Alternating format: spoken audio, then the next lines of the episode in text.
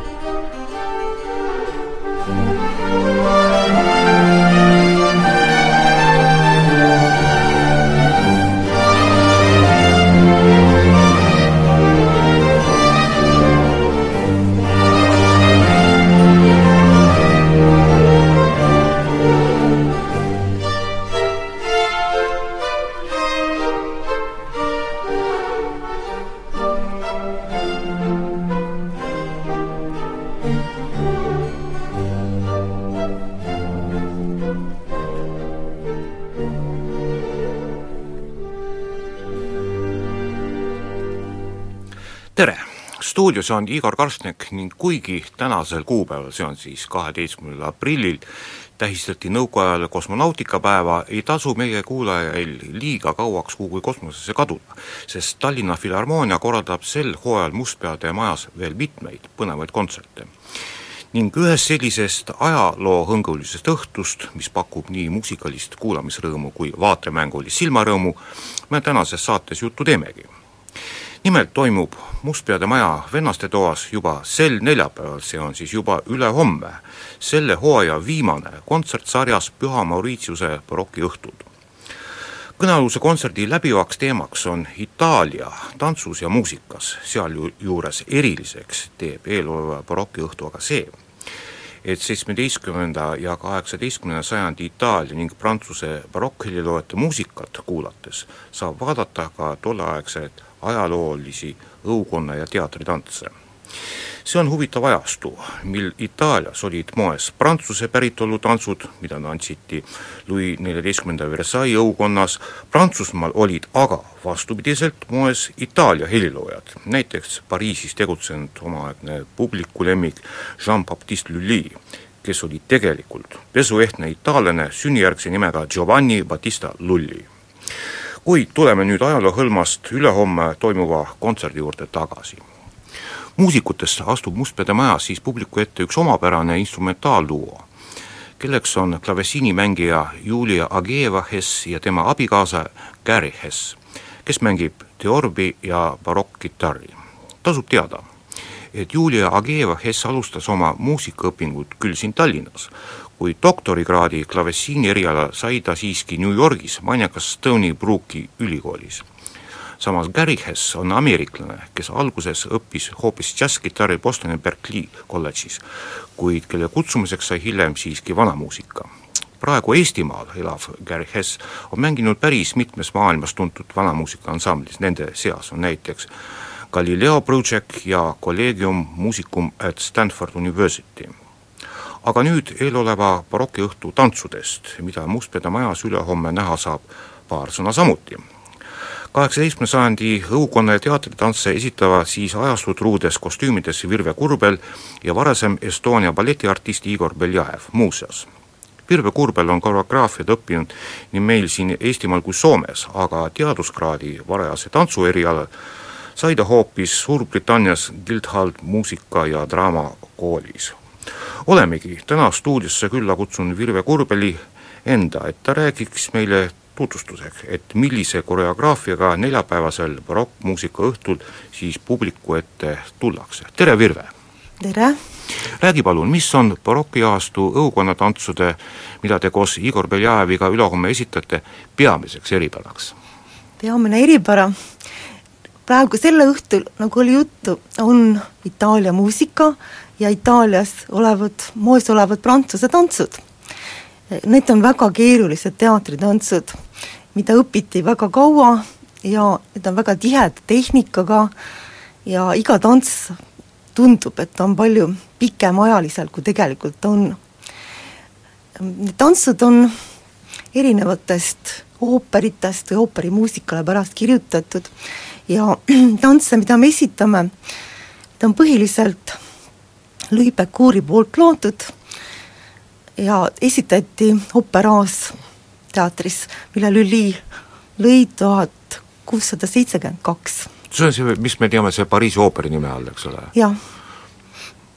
ja need on teatritantsud, mis on just publikule vaatamiseks. vot sa enne äh, ütlesid ka, äh, kasutasid ühte, ühte nime ja ma sain aru, et, et et mõne loo puhul te kasutate siis kaheksateistkümnenda sajandi originaalkoreograafiat, kuule, räägi palun, kuidas siis tänapäeval taas luuakse seda, seda mitme sajandi tagust vanust äh, tantsuliikumist, on mingi partituur ees või, või mille järgi, kuidas see käib? jah, on olemas tantsukiri, mille nimetus on Bichon Feuillet süsteem ja see on esimene abstraktne tantsukiri üldse tantsukirjade hulgas ja kui varem oli sõnaline kirjeldus, siis äh, seal on tantsujoonised, üleval on noodikiri ja siis me peame väga täpselt jälgima, kuhu nad liiguvad, missugused on sammud. Ja on olemas ka sammude sõnalised kirjeldused. nii et see on kõik võimalik kokku panna.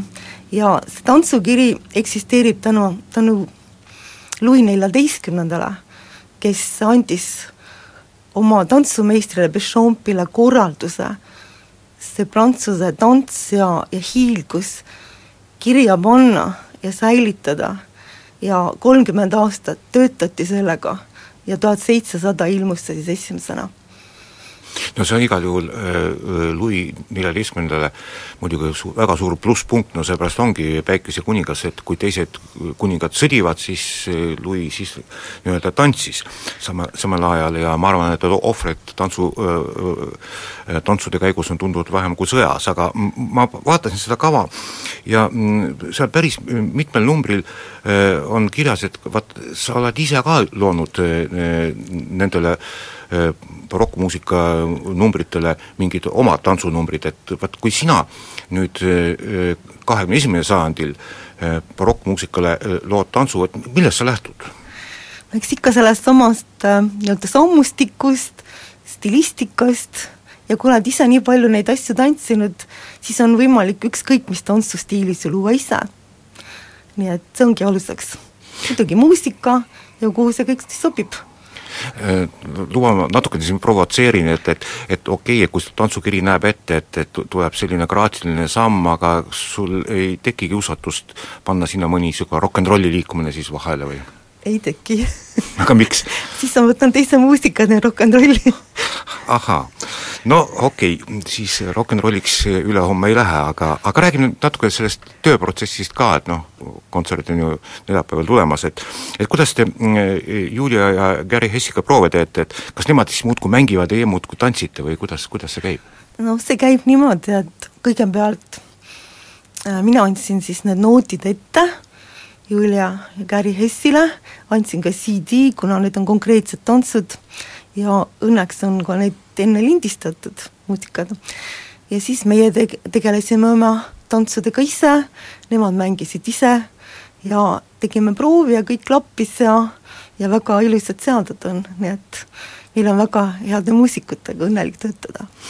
no see tähendab, eeldab siis, ma nüüd õigesti aru saan, et et kõigepealt tehakse nagu kodutöö paika, eks ole, aga, aga selles mõttes, et noh, et, et te, te, te ei teinud Igor Beljajeviga mitte kuiva trenni, vaid te kasutasite sama muusikat nagu fonogrammi pealt, eks ole? need on varem sisse mängitud lood.